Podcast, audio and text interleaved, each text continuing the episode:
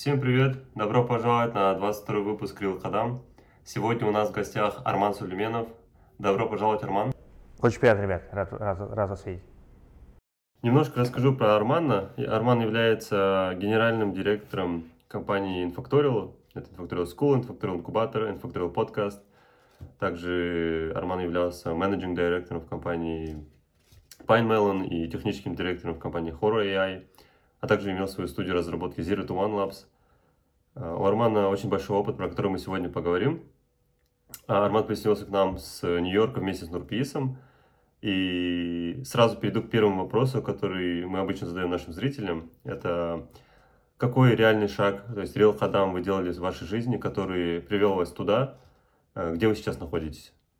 То есть, э, понял, окей, получается некий такой момент, триггер-момент, который сильно на меня повлиял, поменял мою жизнь.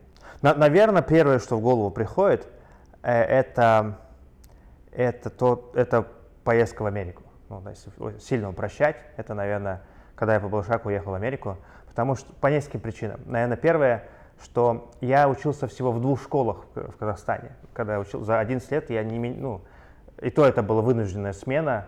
В девятом классе я пере, там перешел в школу, потому что мы переехали в другой город. Да? А, я учился всего в двух школах в своей жизни за все 11 лет. И критерий отбора этой школы, это был самая ближайшая школа к моему дому. То есть и первая моя школа, и вторая школа, это были пешком от моего дома. И они, то есть это не была самая лучшая школа этого города, это не, я там никакой конкурс не проходил и так далее. То есть это вот такой критерий. И я, наверное, из-за этого в школе был очень консервативным человеком, который, скажем так, был, был удовлетворен быть там первой рыбой в этом, в этом пруду, да, то есть и боялся даже там идеи, что там надо что-то там более, более конкурентную школу перейти и так далее. А, но а, я вот после, после окончания учебы, ну, я учился один год на ВМК, в филиале МГУ, в учителя математики и кибернетики. Там одни физматовцы учились со мной. Я не из физмат школы вообще. И Вначале у меня был такой очень большой стресс, потому что я никогда не, не был в окружении стольких э, ребят из других там физмат-школ, которые там замечательно тоже э, там, соображают и все, все, все остальное. Вот, и у меня вначале был такой огромнейший стресс, и, э, и первый семестр у меня очень плохо прошел, да, то есть потому что я вообще забыл, кто я, забыл, я, проигр, я проигрывал до начала партии. Э, я помню, вот между двумя семестрами, после первого семестра, я вот, была неделя там, каникул примерно, после, ну там также происходит, там, это же российская система, там э, учеба заканчивается, потом у тебя месяц идет экзамены. Э, ты готовишься к этим экзаменам, там, раз в неделю у тебя билеты и так далее. Это очень стрессовая система. Ну вот, когда все это закончилось, э, неделя была до второго семестра, и я помню, зимой вот по Астане ходил, снег, такой достаточно, э, немного было снега, я прям отлично помню, каждый день ходил по городу и думал о чем, что пошло не так, потому что я всегда был отличником на всех в классе, э, всегда у меня было все замечательно, и тут для меня огромнейший стресс был там, э, там плохие оценки в, в, после первого семестра. И я писал в своем дневнике там каждый день рефлексию, и, и в общем, я писал план на второй семестр, что я буду делать. И во второй семестр я Просто пришел, вспомнил, что я делал, когда я обучился в школе. Я забыл про окружение, забыл про людей, кто там рядом со мной учится. И вообще это не важно. Нужно сфокусироваться на игру, которая у тебя, на, на, на партию, которую ты играешь. На своей игре, не на, не на игре оппонентов. Хотя там вообще нет оппонентов, да, это как бы тоже иллюзия в голове, что люди, которые с кем ты учишься, это твои оппоненты. Вот. Э, и вот это был, ну, как бы, 8, сколько мне, 18 лет было тогда, замечательный был такой момент, и я отлично, у меня второй семестр прошел, э, потому что я просто стал выполнять домашние задания, стал читать параграфы, там, ну и выполнять все эти вещи. Просто дел, простые, простые вещи стал делать. И, верил в себя. Вот, и после этого я там поехал по полшаку в Америку, и после этого я там сменил кучу университетов. Я приехал, меня отправили там в один университет по Балашаку. Я через две недели уже начал готовить трансфер в другой. То есть у меня появилась смелость, что я могу менять что-то, я уже не был этим вот, наверное, пугливым школьником, который всегда учился в школе рядом, рядом с домом. Вот это, наверное, такой для меня большой был большой момент, и я с тех пор перестал бояться изменений. Я, наоборот, люблю изменения. И как бы это огромная разница между там, мной, школьниками и тем, кто я сейчас. А вот пока мы на этом моменте, хотел бы спросить, вот какой совет вы дали бы, допустим, тому, тому же там студенту, школьнику, который вот был самой большой рыбой в пруде, попал в океан, увидел много рыб, испугался, и ну, вот какой совет вы дали бы такому, допустим, студенту? Мне кажется, что лучше этот стресс испытать э, как можно раньше, э, поэтому классно вот э, ну, в этом плане я бы рекомендация простая, оказаться в этом пруду раньше, в седьмом классе, да, поступить в физмат, поступить в НИШ, поступить там в очень конкурентные школы, чтобы этого не избежать, да, это классно. Наоборот, вы, почу вы почувствуете уверенность в себе, вы почувствуете, что вы, ну, как бы, если это не, произошло, не произошло рано, то у вас всегда будет такой страх, что, наверное, я только умею быть лидером там в, в какой-то своей группе, в свой, лидером своего двора быть, да, там, самым умным человеком какой-то там, в, в этой данной комнате, да, или там еще где-то. Но потом уверенность приходит, что а, нет, здесь вообще дело не в этом. Дело, если я найду свою сильную сторону, я всегда могу найти свою нишу. Поэтому, наверное, чем раньше это произойдет, тем лучше. То есть я, я бы с седьмого класса уже, ну, до, до седьмого класса, наверное, лучше быть исследователем, то есть попробовать все. А вот с седьмого класса, наверное, хорошо уже э, самую конкурентную место найти, самую конкурентную среду выбрать для себя. Если посмотреть на всех вот людей, кто там мы же удивляемся всегда результатам молодых людей, кто что-то добивается, как он это сделал, там, 15 лет, 20 лет. А это они сделали, они это потому что начали раньше всех. Он начал играть там в шахматы в 5 лет, он начал играть, он начал программировать там в 7 лет, да, он, ну и так далее. И если посмотреть количество э, времени, там, 10, эти 10, 10, часов, 10 тысяч часов он, он сделал там к 17. Терри Тао на ему ездил, когда ему было 9 лет, да, а, ну то есть Поэтому нет удивления, что он получил филд, филдовскую медаль, когда ему было 31, да, по-моему. Мне интересно, получается, то есть это вот этот момент как раз-таки был такой ментальный сдвиг, который повлиял на то, что вы стали таким, каким вы сейчас являетесь, да? Ну, наверное, много других было на самом деле. Я просто один, если выбирать, это вот самый ранний. После этого были, конечно, другие по качеству. Я не, не скажу, что это был самый важный, может быть, но это точно самый первый, который в голову приходит, хронологически. А, еще один вопрос от меня. А, вот я думал, что я хочу спросить у Армана Сулеймена на подкасте. И я вот даже сделал definition. А, Арман — это энциклопедия для стартапов и VC, да. И вот даже вы рассказывали про All In Summit, вы сказали то, что вот вы поехали, и для вас практически вы не увидели нового человека или новых... Ничего нового не услышали от тех же людей, которые вы смотрели на подкастах и так далее. И вот что драйвит вами вот, интересоваться этой темой, э, этими стартапами, различными ивентами и так далее? И как у вас получается это up, да, то есть э, узнавать эту всю информацию и постоянно быть в курсе всех событий? А, вот. Ну да, если хороший вопрос. Я, наверное, я э, в этом плане не сильно поменялся. Я, я, у меня просто интересы менялись.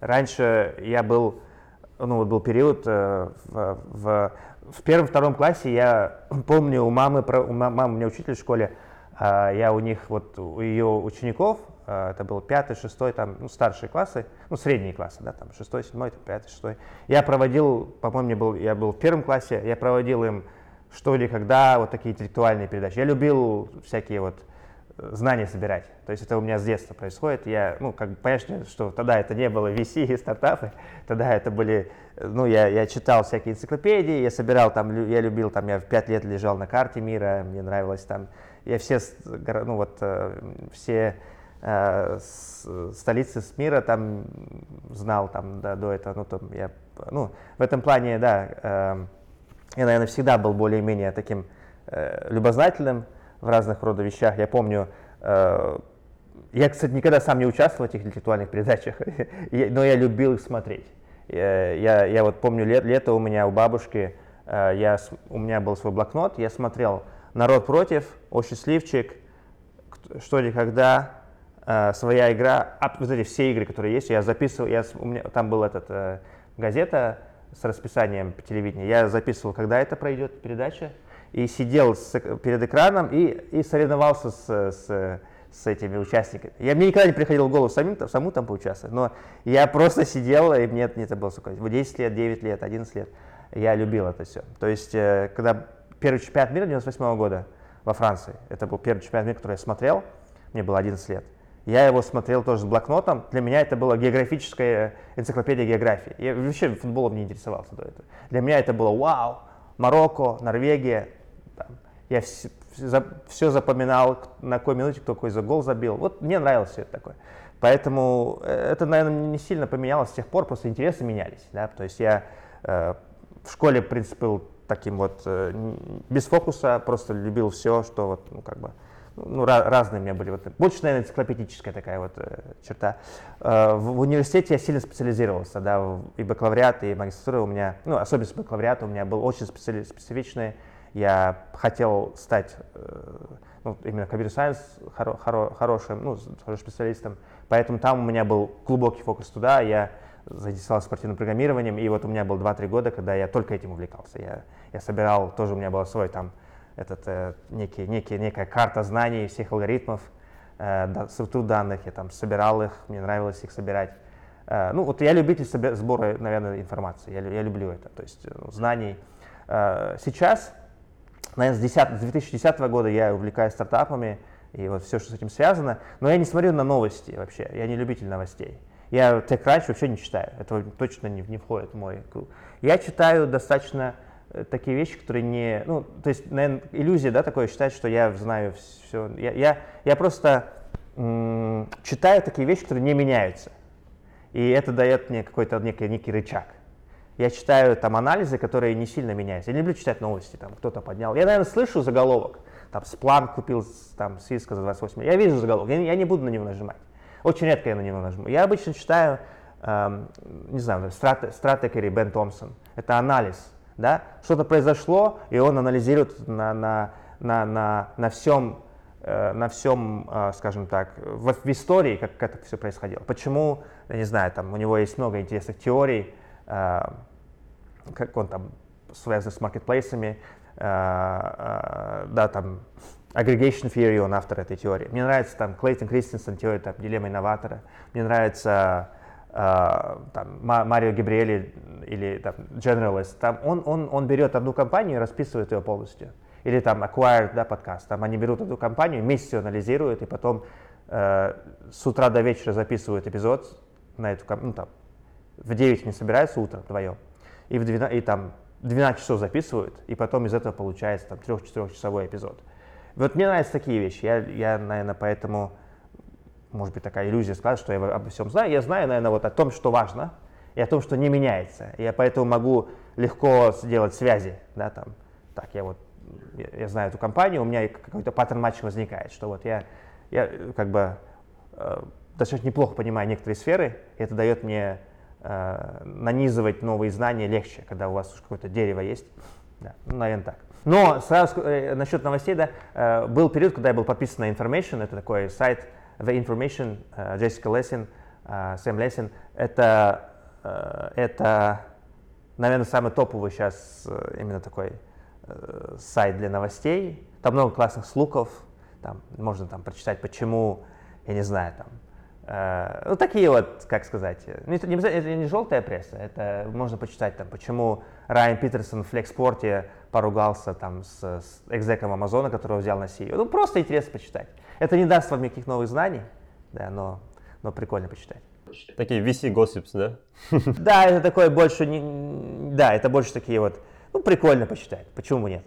Вы э, строите какой-то паттерн в вашей голове насчет э, стартапов, давно это были, может, какие-то что, где, когда, а сейчас про стартапы, про VC, и как вам это помогает в контексте Э, Армана, который стартап-билдер, Арман, который делает стартап, Арман, который CTO в компании как э, Fora AI, либо Pinemelon. А, ну, Pine я не был CTO, да. Я, да, у меня это была управляющая директор позиция, да. как раз не, не, не, не связана с технической. Ну, ну да, но э, я это не делаю для чего-то. Я не, не, не, на самом деле это все происходит достаточно естественно. Я любознательный человек, мне нравится это читать. Я не читал это, это для меня это не работа вообще. Я вот люблю, люблю там что-то читать, изучать, слушать. Не всегда это происходит. Например, последнюю поездку я, честно говоря, мало что читал. Вот сейчас только начинаю читать опять, вот пока в метро э, стал, на, начал наконец-то биографию Маска, Уолтера Айзексона. А, мне нравится, да. Но, но вот был вот э, за эту поездку вообще на самом деле перестал что-то слушать, читать. такая была немножко сумасшедший, сумасшедший месяц э, здесь. А, да, а, насчет того, как мне это помогает, ну да, наверняка помогает, потому что классно, когда, когда какая-то проблема возникает, вы можете из э, с базы вытащить, типа, вот как это решали в компании X, Y, Z. Часто такое бывает. И, и, ну, как бы часто такое происходит. Не обязательно это прям ровно подходит под эту проблему, но это полезно. То есть иметь коллекцию знаний, которая э, в голове находится. И многие из них даже не, не, не записаны. Это просто вот какой-то некоторое в голове, что-то в голове есть. Ну, тем более я, я, я уже достаточно давно да, э, этим занимаюсь. И поэтому там я... И, вот вчера я был на выступлении Альберта Вагнера, это управляющий партнер в UNESCO Ventures, и он был президентом в Delicious в 2005. И э, профессор спросил, типа, кто знает, что такое Delicious? И я только единственный, кто руку поднял. Потому что там 20-летние ребята, ну, 18-летние ребята, ну, там, первый, там, первый, второй, третий курс вузов, естественно, не знают, что Delicious. Я хорошо знаю Delicious. Я пользовался Delicious. Это был букмаркинг сайт, там, 2009, 2008, там, 2007 год. да, ну, то есть, это просто еще время, да, наверное, тоже помогает. То есть, если вы долго этим занимаетесь, долго следите, какое-то, какое-то, какие-то знания откладываются. И потом какие-то паттерны возникают, потому что многие вещи это хорошо забытое старое. А можете какие-то специфические, может, примеры с а, вашего опыта э, принести, когда вы использовали какие-то паттерны других компаний, либо паттерны, которые вы составили, прочитав разные истории в контексте стартапов, которые вы делаете? Ну вот очень хороший пример, наверное, в голову приходит. Когда вот э, я его, наверное, научился я его, его в Индии, да, то есть там мы строили э, инструмент для того, чтобы вычислять кредитный, кредит, кредитный рейтинг для синих воротничков и выдавать им кредит, а, для, скажем так, где нет данных, ну или данных очень мало.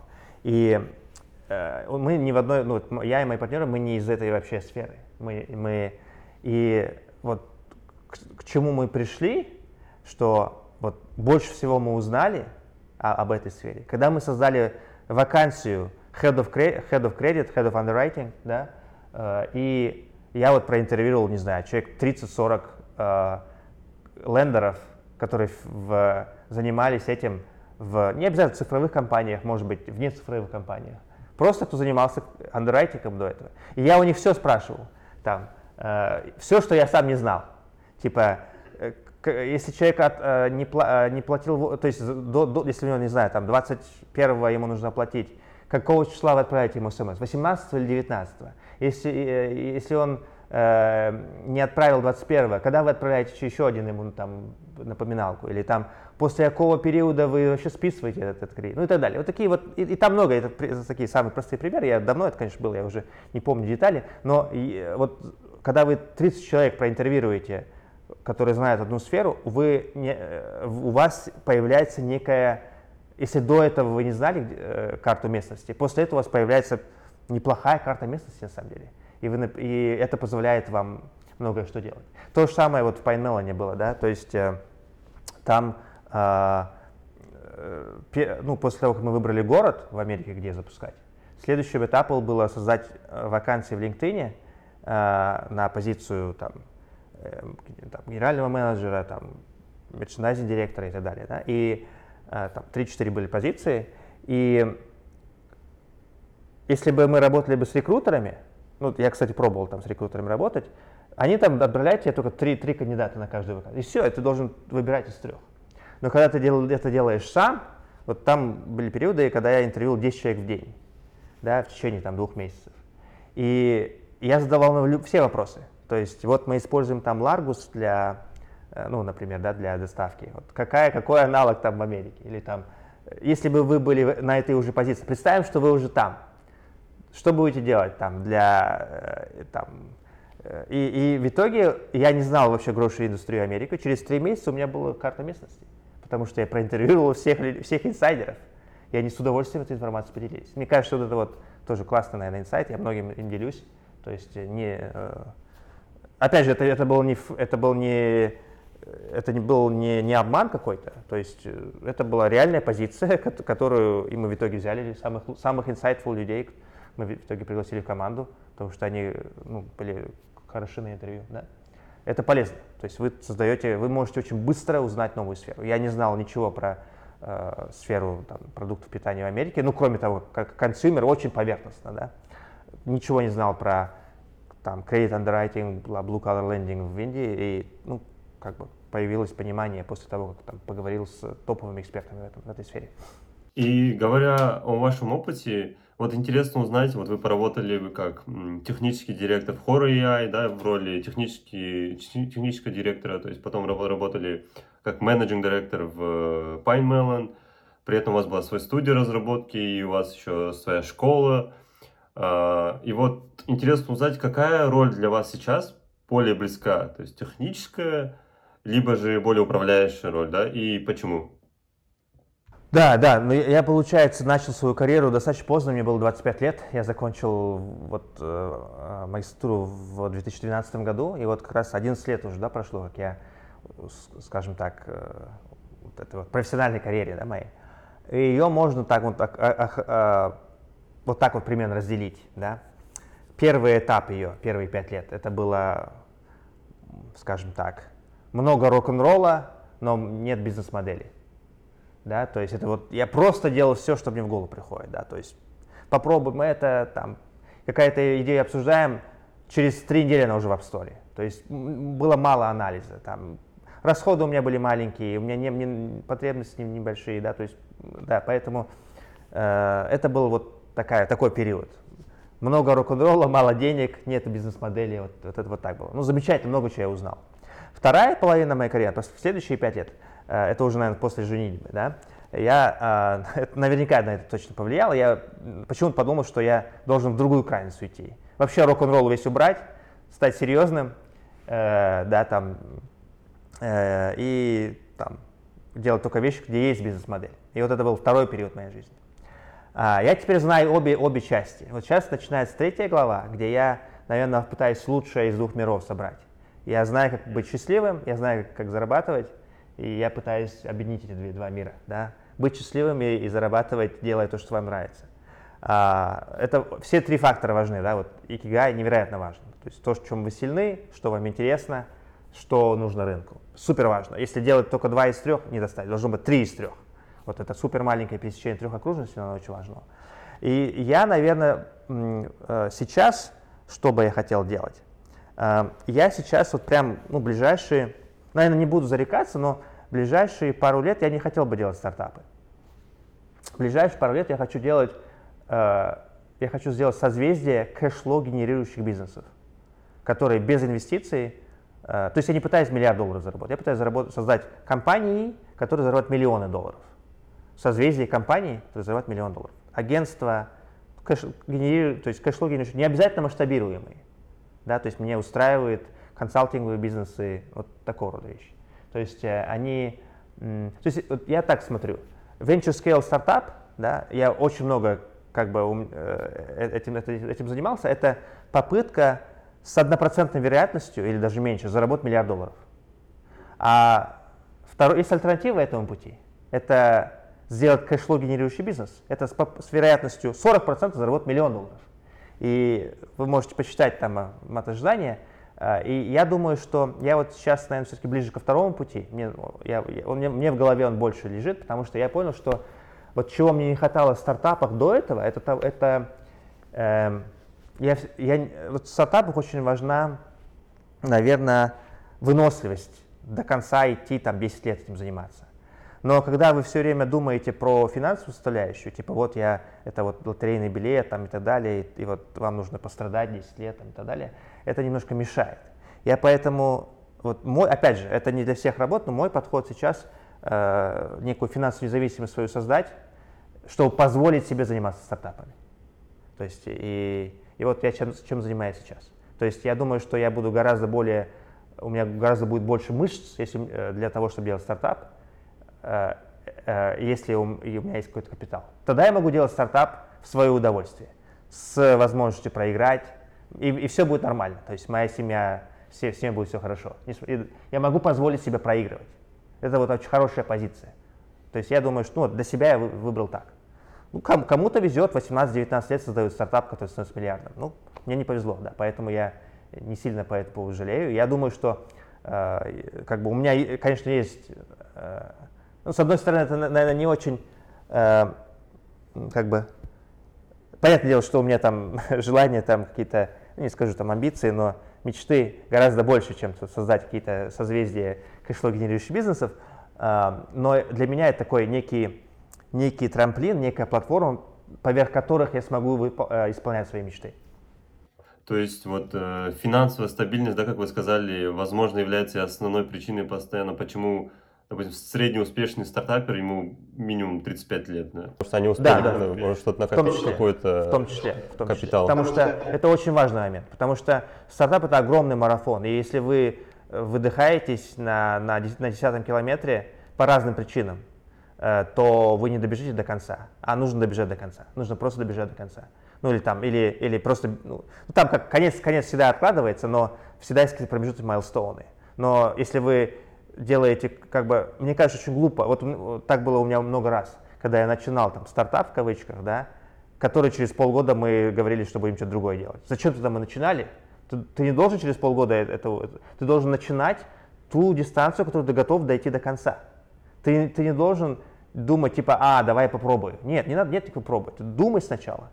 Да, вот э, Леша, с кем я работал, у него была классная фраза, там, пробует, по-моему, вино, стратегию не пробует. То же самое, да, здесь нужно сначала подумать, да, э, а потом, потом начать, выбрать марафон, который вы будете бежать, и потом на него бежать. А так вот начинать кучу марафонов из пятого километра, с пятого километра забегать, в итоге у вас не будет ни одной медали. Да, у вас будет 20 начатых чего-то там, каких-то начинаний, но из-за сложного процента все результаты на пятый, седьмой, десятый год. Вот в чем. Да. N-Factorial, так или иначе, у него не было такого названия, ему сейчас 10 лет. Но вот первая программа, э, даже 11 год начинается, первая программа, она еще тогда не называлась N-Factorial, но это была такая буткамп программа, которую проводил в NU, это было осень 2013 года. Да? И как бы опять же, время нужно, чтобы, как бы, чтобы появился вот этот снежный ком. Если вы сдадитесь на втором году, то э, ну, как бы, не нужно было это вообще начинать. То есть, если вы начинаете, не нужно сдаваться, нужно идти, идти до конца. А вот чтобы идти до конца, у вас должно быть намерение идти до конца. Намерение, воля, капитал и так далее. И вот вы как раз-таки заговорили про Infactorial, ему в этом году исполнилось 10 лет. И можете немножко рассказать, как бы, откуда это все пошло, откуда взялась эта идея? И я вот знаю, что в какой-то момент, возможно, еще является, и а, была такая цель а, чтобы у Казахстана было 10 тысяч очень крутых разработчиков. А, вот тоже можете рассказать, откуда появилась эта цель и какой прогресс? Ну да, я могу очень вкратце, краткую историю сказать. Я в 2013 году вернулся в, Амер... Э, в Казахстан после 7 лет в США. И тогда я был сильно вот мотивирован моделью Y Combinator, да, это был 2013 год. Я, я, я уже читал Пол Грэму 9 лет, 4 года, 2009-2010 года. То есть я был прям, я прочитал книгу про YC, э, а, там э, автор этой книги, он э, в 2011 году, прям во, во, во время всего YC провел его там со всеми командами, всех проинтервьюировал и рассказал такой мемуар о том, как все это, как эта магия происходит э, в 2011 году. Ну вот, и я думал, вот как, я думал, что мне можно делать, я вот даже до сих пор, у меня это можно найти план, я читал книгу High Output Management, это Энди Грова книгу, в самолете, э, в июнь 2013. В самолете летел, и я думал, как бы параллельно думал, что я буду делать в Казахстане. И я на, у меня нет, не было блокнота, там вот на задней стороне карандашом писал разные идеи. И вот основная моя идея, и, в принципе, вот в этом полете в Казахстан я тогда определил, что я буду делать, в общем-то. Не сильно поменялось на самом деле. Э, э, у меня был план вот сделать некую платформу для инноваций, некий такой вот генератор компаний, есть компания, которая генерирует компании. Вот. И первая версия этого была это некий такой буткамп, который там запустили в, в Назарбаев университете. Это был 2013 год. Сразу было видение такое открыть для всех.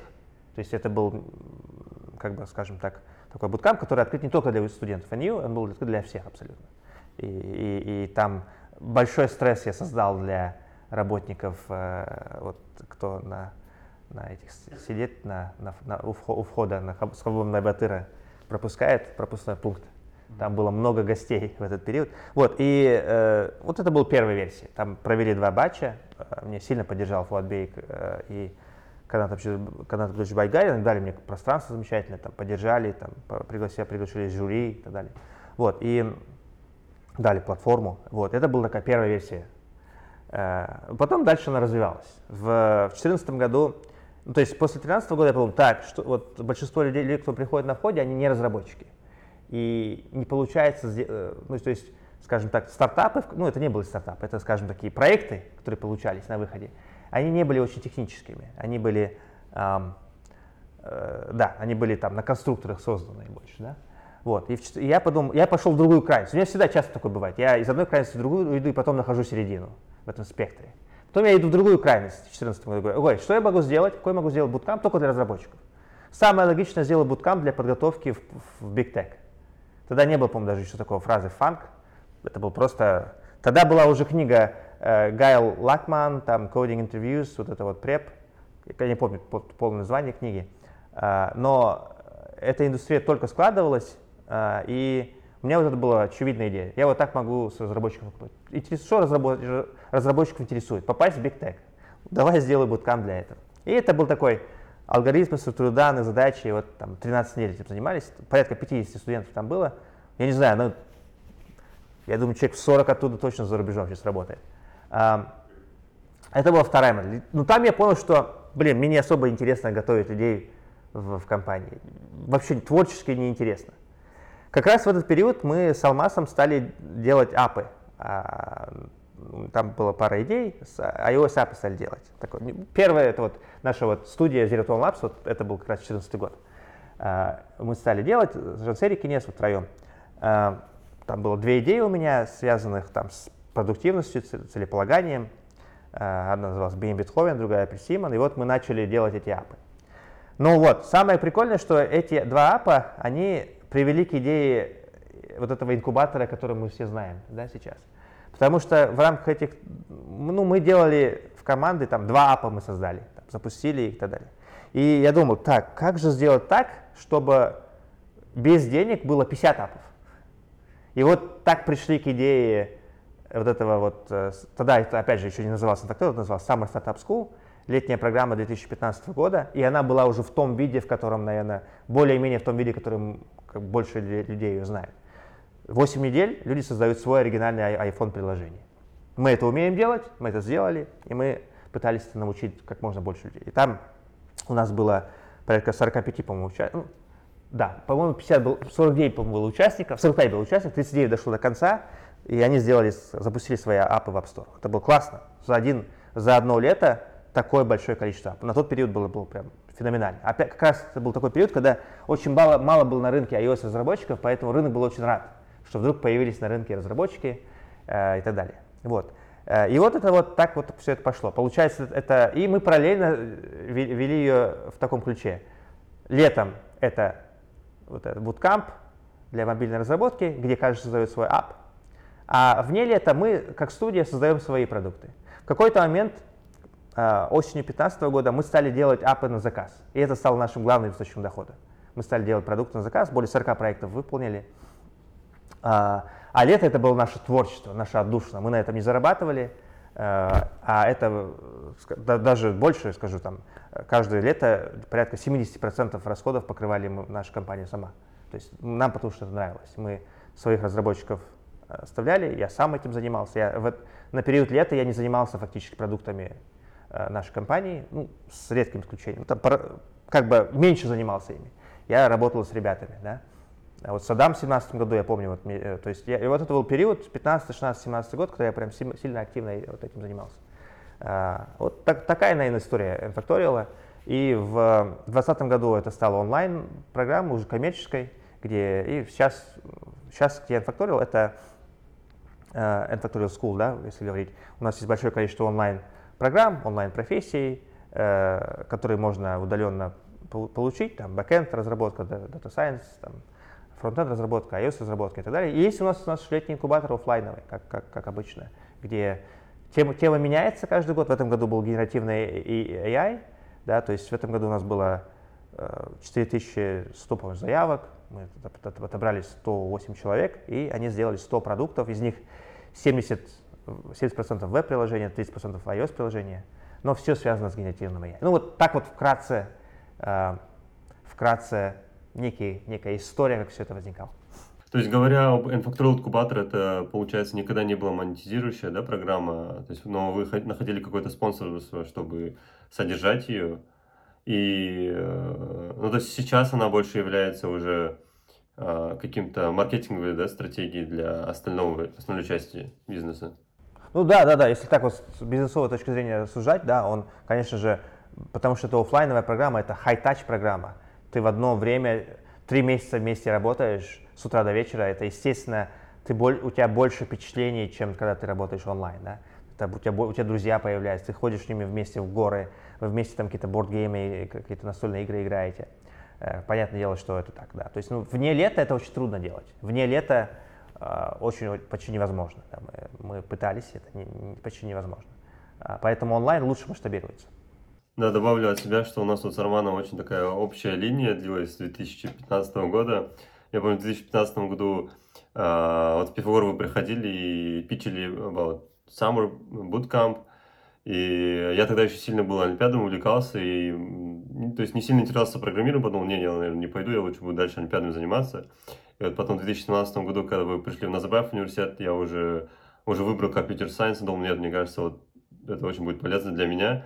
И я решил податься, прошел. И получается, вот в 2017 году у нас был инфакторный инкубатор.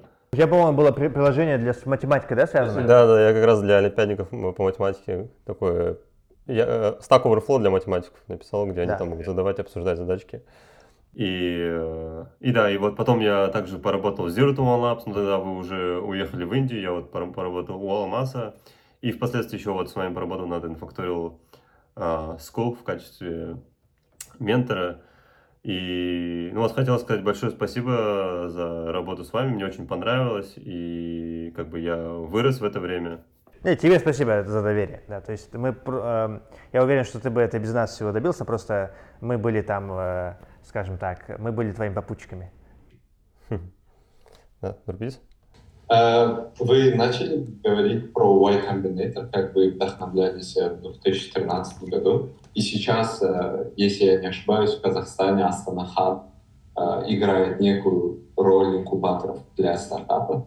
Однако я еще не слышал истории, которые становились такими же большими, как Y Combinator. Конечно, может, могут быть разные факторы, которые влияют на это. И хотел бы узнать ваше мнение на то, что какие сейчас не хватают, наверное, Э, факторы в Казахстане, чтобы создать Y Combinator, либо площадку э, для стартапов, которые будут э, не только там миллионниками, а миллиардниками и будут иметь клиентами не только по СНГ, но и за да, ну, ну, во-первых, нужно время, да, то есть у YC ему 18 лет, он появил, первый батч был в 2005 году, да, то есть э, за 18 лет, конечно же, у них там уже 4, 4 тысячи плюс, по-моему, компаний через них прошло, суммарная оценка 600 миллиардов долларов. Это время. Я помню, их первый экзит был в 2011 году. Это был Heroku.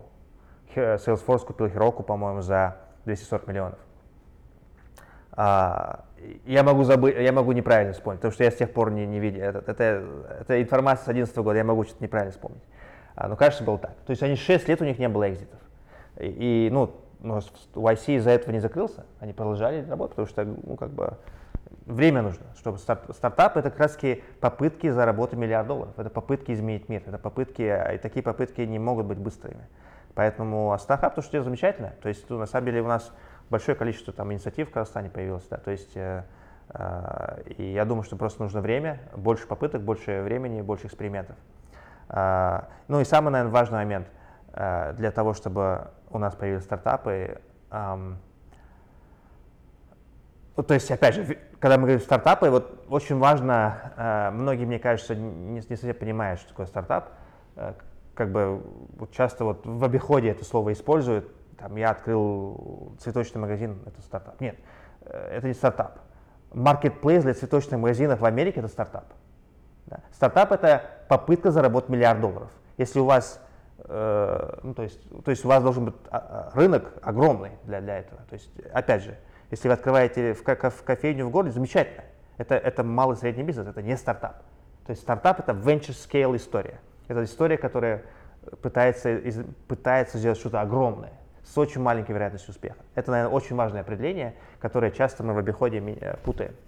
А, вот, если говорить про вот в этом, в этом определении, да, э, стартап, э, для того, чтобы у нас, мне кажется, миллиардные истории появились, э, у нас должно быть больше казахстанских предпринимателей, которые делают вещи для, на, на больших рынках за пределами Казахстана. Потому что давайте думать с конца. Вот представим, мы хотим сделать компанию в миллиард долларов. Да? Это значит, что мы должны добежать до revenue 100 миллионов долларов. Ну, 10x multiple, да, получается миллиардная оценка. 100 миллионов долларов оборота в год. Вот давайте подумаем, какие есть рынки в Казахстане, которые могут такого, такой дать вам оборот.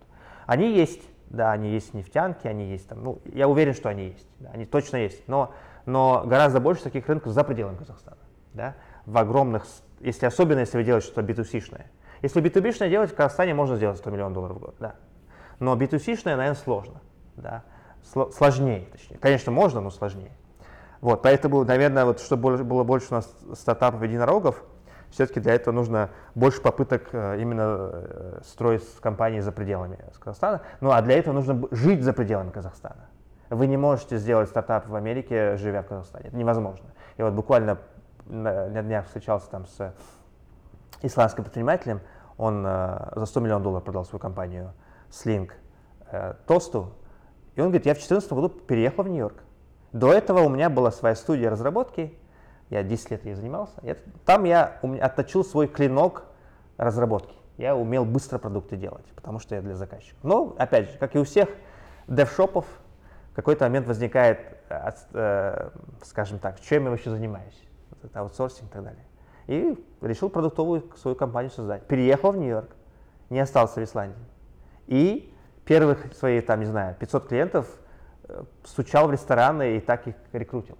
Он говорит, если бы я сидел в Исландии, это было невозможно вообще. То же самое, прилег свои деньги здесь, не сразу, но прилег их, потому что они видели его дельту, он первый раз встретился с ними, с инвесторами, да, там, э, тоже, ну, вот, тоже там на Union Square. А, и они туда ему отказали, он пришел к ним через полгода, они видели его рост за полгода. Опять же, это невозможно, если вы э, онлайн там в зуме сидите. Это нужно, это должно быть физический какой-то контакт все-таки.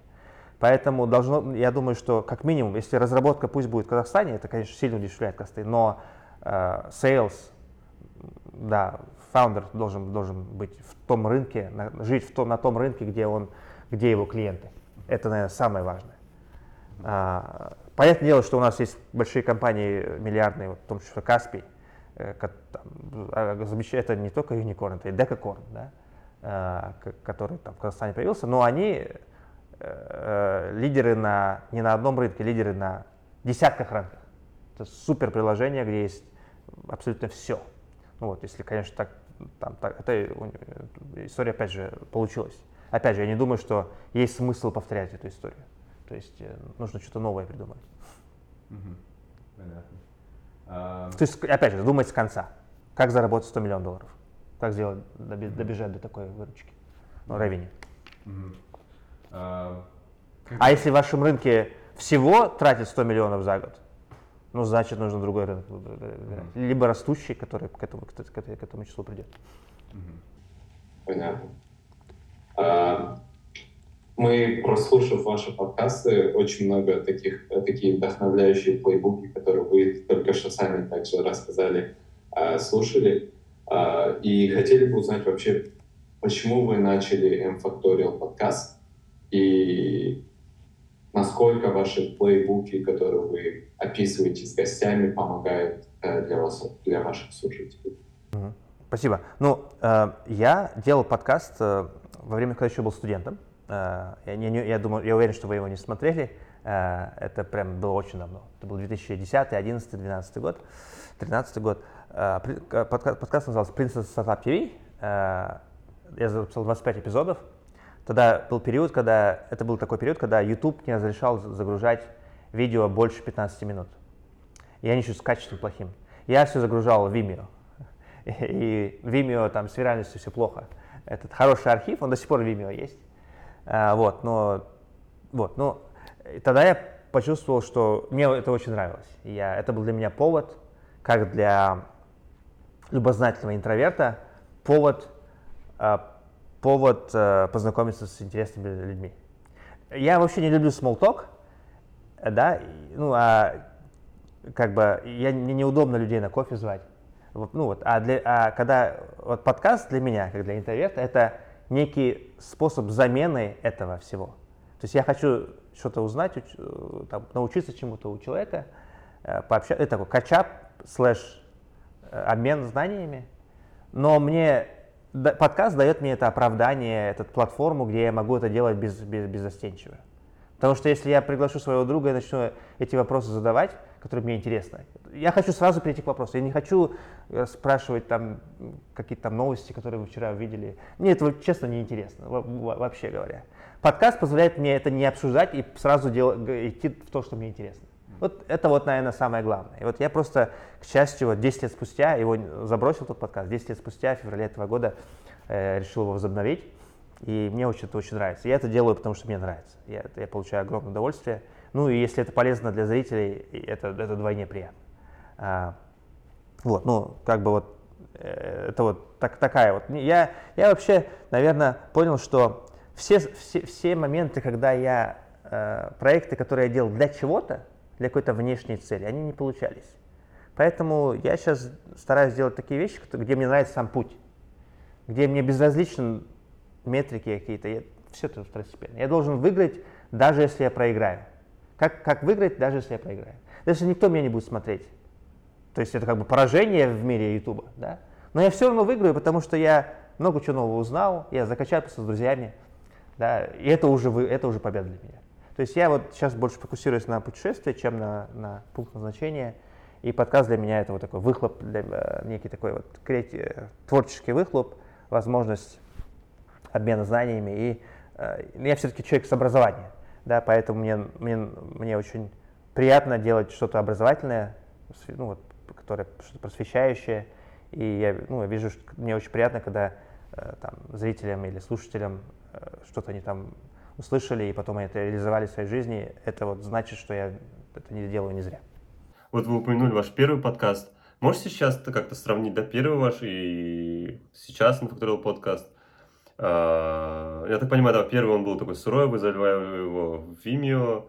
И можете сравнить вот там гости, а, качество, как вы к нему approachите и то есть все вот эти детали. Можете немножко рассказать про разницу? Да, ну на самом деле гости, которые, ну начнем с первого, гости были крутые тогда. У меня был, я удивлялся, удивляюсь вообще, это были все холодные письма, как люди мне соглашались. Наверное, когда ты студент, тебя много прощают, да, то есть э, там были вообще потрясающие гости. Там был Роберт Седжвик, Брайан Керниган, э, там были, был там Фрэнк, Фрэнк Чен из Andreessen Horowitz, там был э, Джастин Кан с Twitch TV, да, Justin TV, там был Дэниел Ха, Disqus, ну тогда это был топ такой hot стартап, Дэвид Лип, Bump, потом он стал Head of Google Photos. Много было классных э, гостей, я не буду уже, наверное, называть всех, но, э, конечно же, это было все в одного. У меня была камера, штатив, э, микрофон один.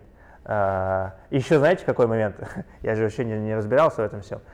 Когда я загружал видео, я уже потом понял, что, оказывается, он э, только в одном наушнике слышен звук. Если вы посмотрите видео, там Э, там э, как бы, да, в общем, такая проблема. И весь эдитинг я делал сам, все в одного, да, то есть камера вот так вот просто статично стоит, смотрит и все, там не было. Сейчас, ну, ну как бы, сейчас я пишу, как у нас сейчас, ну тогда как бы вот так вот, все в одного. А, но это был такой хобби чисто. Я вот на велике, я, я летал го гостю, да, там в другой город часто, на поезде ездил, на велике там по-разному, да при, со своей сумкой, все ставил. Там, э, я не знаю, как, как, как они согласались, там ну, как, какие-то офисы были большие, конференц-залы, их ассистент гости сидит, смотрит там, как все это происходит. Но я тогда научился с ассистентами разговаривать, ну и так далее, то есть когда, когда букил гостей. Они были короткие, 30-40 минут. Вот, э, вот. Сейчас все по-другому. Ну, а, ну, еще один момент. э, я там еще в конце, у меня была такая стилистика, в конце я старался показать какие-то в стиле Джеки Чана, все, что не вошло в основной, с музыкой, как я еду до этого места, как я набираюсь до этого гостя. Э, это тоже прикольно, можно посмотреть. А, потом YouTube меня банил за то, что я использую э, копирайт музыку. да, там включал эту музыку, а я там ее специально выбирал. Вот. Сейчас по-другому все. Конечно, у меня команда есть, э, замечательная э, коллега Данияр. Э, то есть он, он классно понимает картинку, свет, звук, ну, замечательно, да, документалист, видеограф.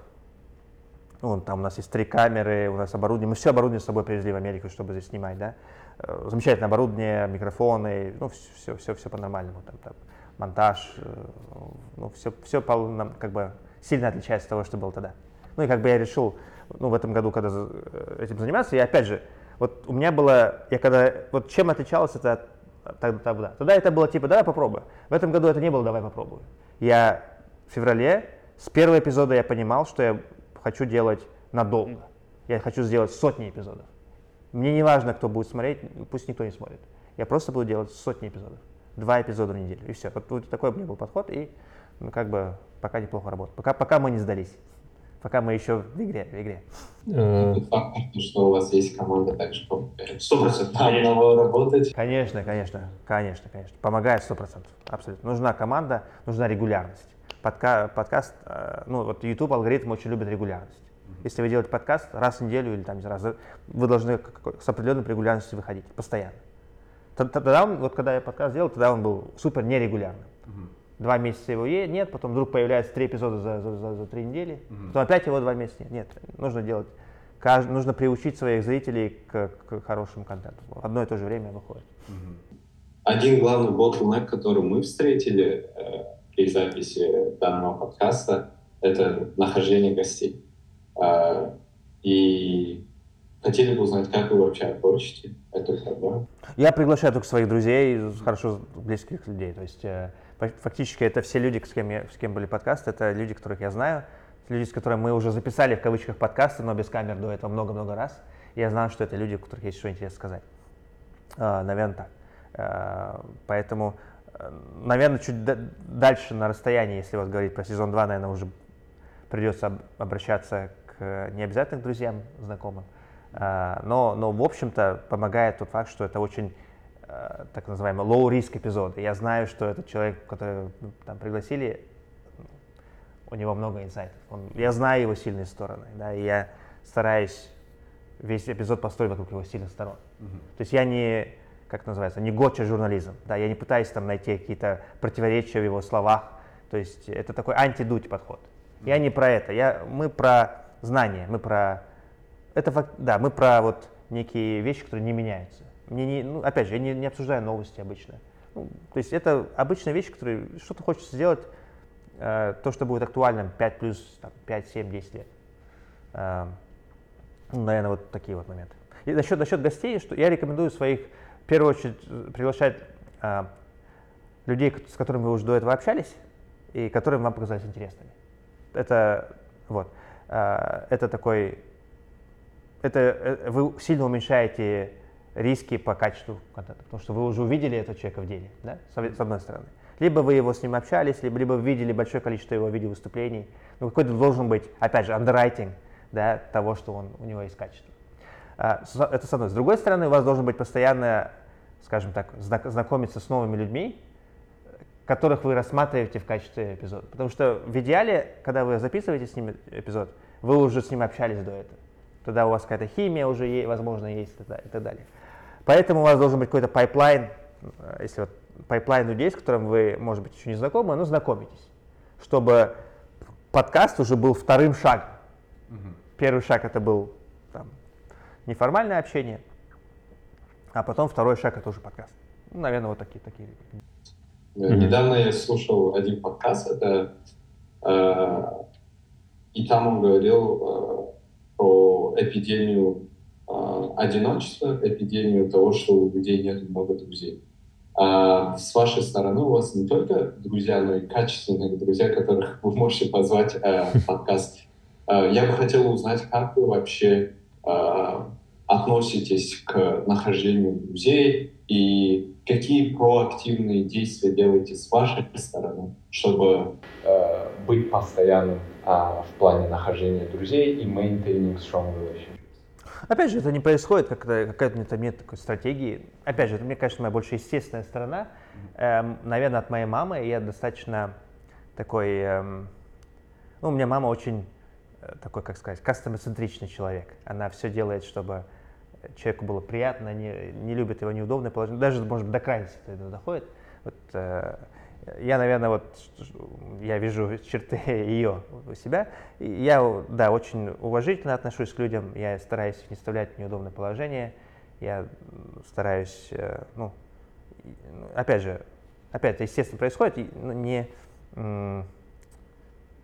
я не, не транзакционный вообще человек, я не люблю транзакции. И, и я чувствую, когда кто-то кто видит во мне чистую транзакцию, и мне это немножко настораживает, и я э, как бы это не способ создать. Я, я не знаю, как создать дружбу, я не знаю, как не создать ее.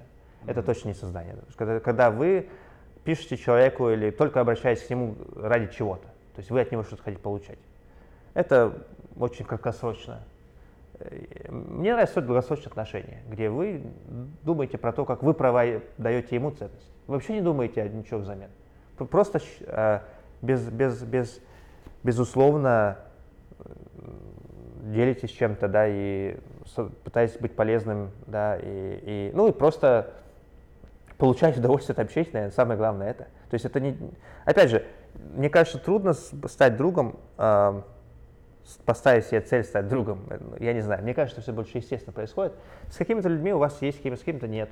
Это нормально. Да? То есть э, есть люди, с которыми вам там общие много интересов есть. Ну, классно. Да, поэтому друзья, мне кажется, такая очень обобщенное понятие. Есть там друзья, которыми вы там все свои секреты рассказываете, все свои... Э, там, есть друг-терапевт, который вот вас там слушает, да, есть там друг, который там, э, может быть, э, там, с вами в баню ходит, там, не знаю, или, или в горы ходит. Есть там друг, который, с которым вы карьеру свою обсуждаете, некий такой ваш тренер. Ну, разные люди, да, мне кажется, друзья такое супер, широкое понятие. Э, наверное, просто быть не, не транзакционным и не создавать ценности, быть добрым, там, да, ну, как бы такие простые, наверное, вещи, быть, быть э, выполнять то, что говоришь. Фундаментальные вещи. Да, супер фундаментально. Быть хорошим человеком, не смотреть на людей как на транзакцию.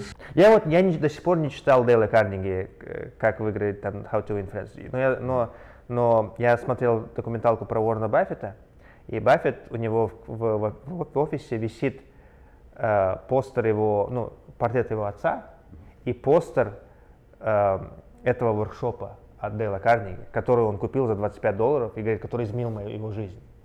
Но если это Баффет так говорит, я, я бы посмотрел эту книгу точно. Мне кажется, там есть много советов. Я, я не знаю, сам, сам я ее не читал, я просто ее так вот по диагонали просматривал. Но я вот из выводов там, мне кажется, очень хорошие идеи тоже есть о том, как не быть транзакционным. Угу. Это все долгая игра. Не, не, это все, вот, опять же, чем больше ваш горизонт, тем лучше. Понятно. Да. В мире, где очень много сравнений, иногда сложно быть э, долгосрочным. И охота э, на краткосрочной перспективе выиграть. Да, да, да. Ну вот это вот, наверное, в этом будет ваше отличие, если вы по-другому действуете, чем весь мир. Это прям свежо выглядит.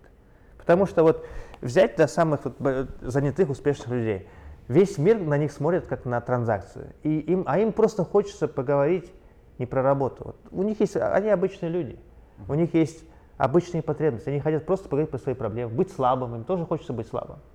Но когда все, весь мир от них чего-то хочет, ну, вы закрываетесь. И, наверное, вот такие простое понимание людей, наверное, тоже помогает. То есть люди, люди намного больше похожи друг на друга, чем нет. Есть много общего между людьми, независимо от достатка, успеха. Они, у нас общее, очень много, как бы, люди во многом похожи да, в своих проблемах, в своих там не знаю, стрессе, источника стресса, источника энергии и так далее. Поэтому вот это вот понимание, наверное, помогает. Ну, да. Наверное, еще один момент полезный, вот сравнивая подкаст туда и, и, и раньше, тогда у меня был невероятная дрожь перед гостями. Я там я записывал, кстати, эпизод Vinicius Ваканти, Ipit. Вот сейчас в, Вин, э, в, в Нью-Йорке один из топовых стартапов, Ipit Data, они предоставляют там, данные всем хедж-фондам, миллиардная компания. Вот. Тогда у него уже было название Ipit, у него не было еще этой идеи, он, он делал э, агрегатор всех купонов, группон и так далее. Это был 11 год, как бы тогда была эта горячая тема. Там видео вообще сумасшедше странное. Он сидит на стуле, а я сижу как этот, как будто его руки прошу на коленях там перед ним здесь. Вообще полный абсурд. Да, то есть, э, ну, не, не надо так снимать. Да, ну, нужно чуть быть увереннее. Ну, опять же, это с возрастом приходит на это. Быть спокойным, расслабленным помогает. А когда с вами гость сидит, которого вы хорошо знаете, вам не нужно напрягаться. Это, это создает хорошую атмосферу. Ну да, но в то же время а, динамика меняется, если человек очень успешный, либо, как вы сказали, а, такие миллиардники, создали какие-то миллиарды. Ну вот это вот, мне кажется, важный момент. Э, я не, не скажу, что я в нем в этом преуспел, а, мне потому что я, я пока не записывал с такими людьми там, эпизоды, эпизоды, я записывал с людьми, которые мне комфортно, я знаю. Но мне кажется, вот это вот классно будет научиться с такими людьми сидеть расслабленно, потому что все вокруг них э, ходят Э, на, на, на, на, на, на носочках, да, и им просто хочется пообщаться с людьми, которые так их не воспринимают, мне кажется. И если мы такими станем, классно будет. Да. Приводит к хорошей беседе, расслабленной. Но обычно такие люди, они, они это сами понимают и пытаются этот, э, растопить лед. Что там прокомментируют что-нибудь, там, что-то там посмеются, какую-то самую ироничную шутку сделают. То есть, а, чтобы как-то расслабить людей вокруг. Mm-hmm. Да. Еще одна тема, про которую вы, мы хотели поговорить. А, вот вы сейчас находитесь в США, да, вы, как сказали нам э, до подкаста, вы приехали на форум All In Summit и провели уже месяц э, в Америке. А, но также мы знаем, что вы приехали туда с командой Infactorial Podcast, да, и записали очень много эпизодов с гостями также на английском языке. А, можете рассказать немного, как э, вы выбирали гостей и как, какого, то есть какими гостями вы успели уже записать выпуски? Очень просто выбирал гостей. Писал людям, которых я уже знаю, с которым записывал эпизоды Princess Startup TV. да, это были, есть люди, которые уже, это был сиквел. Фрэнк Чен, мы с ним записывали в апреле 2013 года, Андрей Хоровец, партнер. В этом году, 10 лет спустя, записали еще раз. Он, он правда пошутил, что у него уже, он, он потерял 20 килограмм веса, то есть он по-другому выглядит. Он на самом деле выглядит моложе сейчас, чем тогда. А, вот, ну, очень просто, да, был такой подход, выбор гостей. Те, которые я знаю, с высокой вероятностью ответят, скажут «да». Стивен Вольфрам, я видел, что он спи спикер в, на All In Summit, написал ему, Стивен, я тоже там, в LA. А, к счастью, опять же, вот история с Вольфрамом интересная. А, как, я, как с ним знаком? Супер просто все. В 2013 году, когда я проводил буткамп в NU, в конце на демо Day я хотел сделать видео приветствие э, классных предпринимателей американских, инвесторов. И написал, в том числе холодную, многим людям. И там получилась хорошая, хорошая видео, видео подборка. Там свои приветствия отправил Винод Косла, Косла Ventures. Хотя я его не знал до этого. Э, Дэвид Хайнемер Хансен, DHH. Я его знал, потому что писал два года, три года до этого писал на, на, на тему их компании э, такой кейс, ну, paper, короче, final paper в университете. Там был э, Уэнди Коп, Teach for America, да, э, вот, там был третий космический турист, который там в Принстоне живет. Ну вот, э, и тогда я написал э, Стивену Вольфраму «Холодную». Э, я большой фанат Вольфрама, я, я читаю его блог. Кстати, это помогает. Я, я пишу только тем людям, которые, холодную, только тем, которых я виртуально знаю неплохо. То есть я сразу же говорю там, то есть у меня письма очень кастомные, это, наверное, тоже момент нужно учесть. Они холодные, но они кастомные. Здравствуйте, Стивен Вольфрам. То есть у меня три абзаца обычно. Первый пункт – это некий кастомный как бы факт о нем, который, это proof of work такой, да, в блокчейнской терминологии. Это proof of work того, что я его там 5 лет читаю или 7 лет читаю. Такой факт, который ты не, ты не можешь в Википедии вытащить. Это, это просто что-то я о нем знаю, или то, что мне понравилось в его там каком-то супер какой-то, э, не знаю, на какой-то пятой странице там какой-то книги, вот идея, которая мне понравилась. Я вот это обязательно пишу. Я показываю, что я сделал свою работу. Я не как, я случайный человек с интернета, но не совсем случайный. Я любитель там его работ. Потом я говорю о том, в чем предложение, и в конце call to action, в чем мой оффер. Вот. И Вольфраму я так написал, тогда он не смог отправить свое видео, извинился, но полтора года спустя, в марте 13 а, феврале 2015 года, он пишет вообще не здравствуйте, не до свидания, просто такой параграф, огромный длинный параграф текста. Мы со, со своими двумя детьми э, выбираем, э, ну, путешествуем часто, ну, точнее, э, он говорит, я вообще никогда, у меня нет отпусков, я уже, сколько там, 40 лет у меня нет отпуска вообще. Я, всегда, я 7, лет, 7 дней в неделю работаю, но дети меня убедили, что нужно путешествовать. И вот мы выбираем интересную страну для путешествий и, и туда летим. Выбрали Казахстан. Давай этот, э, я, я написал Казахстан в своем Gmail, в поиске, в почте своей. Вот выскочило твое письмо. Типа, э, там, вот э, там помоги там мне какие-то гостевые лекции выступить вообще. Ну, он не любит, он не пляжный человек вообще, он, ему не интересно отдыхать, ему интересно общаться с сообществом там. Он, он человек с, образ... ученый, да? С удовольствием. Так вот, э, как бы с Вольфрамом познакомился, стал его там, был, был его гидом в Алмате в течение трех дней. Вот и понятное дело, что такие отношения есть, он мне после этого там книгу свою отправлял, там, ну и так далее. Ну вот это был в этот, в этот раз написал ему и договорились с его супругой познакомились, тоже хорошо пообщались. Вот. Наверное, наверное, так. Ну, и остальные гости вы увидите, да, мы записали, по-моему, 17 эпизодов за, за этот месяц. 16, по Будем, будем, будем. До конца года все выложим. Все круто, будем ждать. И вот я тоже знаю, что вы за это время успели встретиться с очень многими казахстанцами. Да, даже вот я заметил из Инстаграма. И такой вопрос. Какую вы, наверное, заметили разницу между людьми из Казахстана в США, то есть с теми, с кем вы встретились в США, и вот с людьми, которые именно живут в Казахстане сейчас? С теми же вашими знакомыми, то есть, может быть, какая-то есть разница в модели мышления? Ну, да, тут как бы с, трудно сравнивать яблоки с, с яблоками, потому что большинство, наверное, э, казахстанцев, которые я разговаривал здесь, мои друзья, они э, как бы работают в больших компаниях, а большинство, наверное, гостей, которые в Казахстане э, подкаста, это были предприниматели, да. Э, конечно, lifestyle очень другой, совсем другой lifestyle, поэтому трудно сравнивать э, работников больших компаний и предпринимателей. Это просто, ну, наверное, везде они будут. Предприниматели в Казахстане отличаются предпринимателей, от, от предпринимателей в Америке, предприниматели в Казахстане отличаются от работников больших компаний в Казахстане, наверное, это очевидная вещь. Наверное, какое-то отличие, ну, э, ребята, кто работают в больших компаниях э, здесь, у них есть очень хорошо, хорошее понимание масштаба. Они работают на, на миллиардной аудитории, и их это вообще не пугает. Они делают какие-то продукты технические, которые скелятся на, на, на сотни миллионов юзеров. Ну, на это, такой экспертизы в Казахстане очень, ну, фактически нет, наверное. Это, наверное, сразу же нужно э, отметить. Ну, естественно, как бы, если здесь вы живете, здесь вы работаете, у вас как бы большой, большие задачи, большие ну и челленджи большие, и как бы скоп задач большой.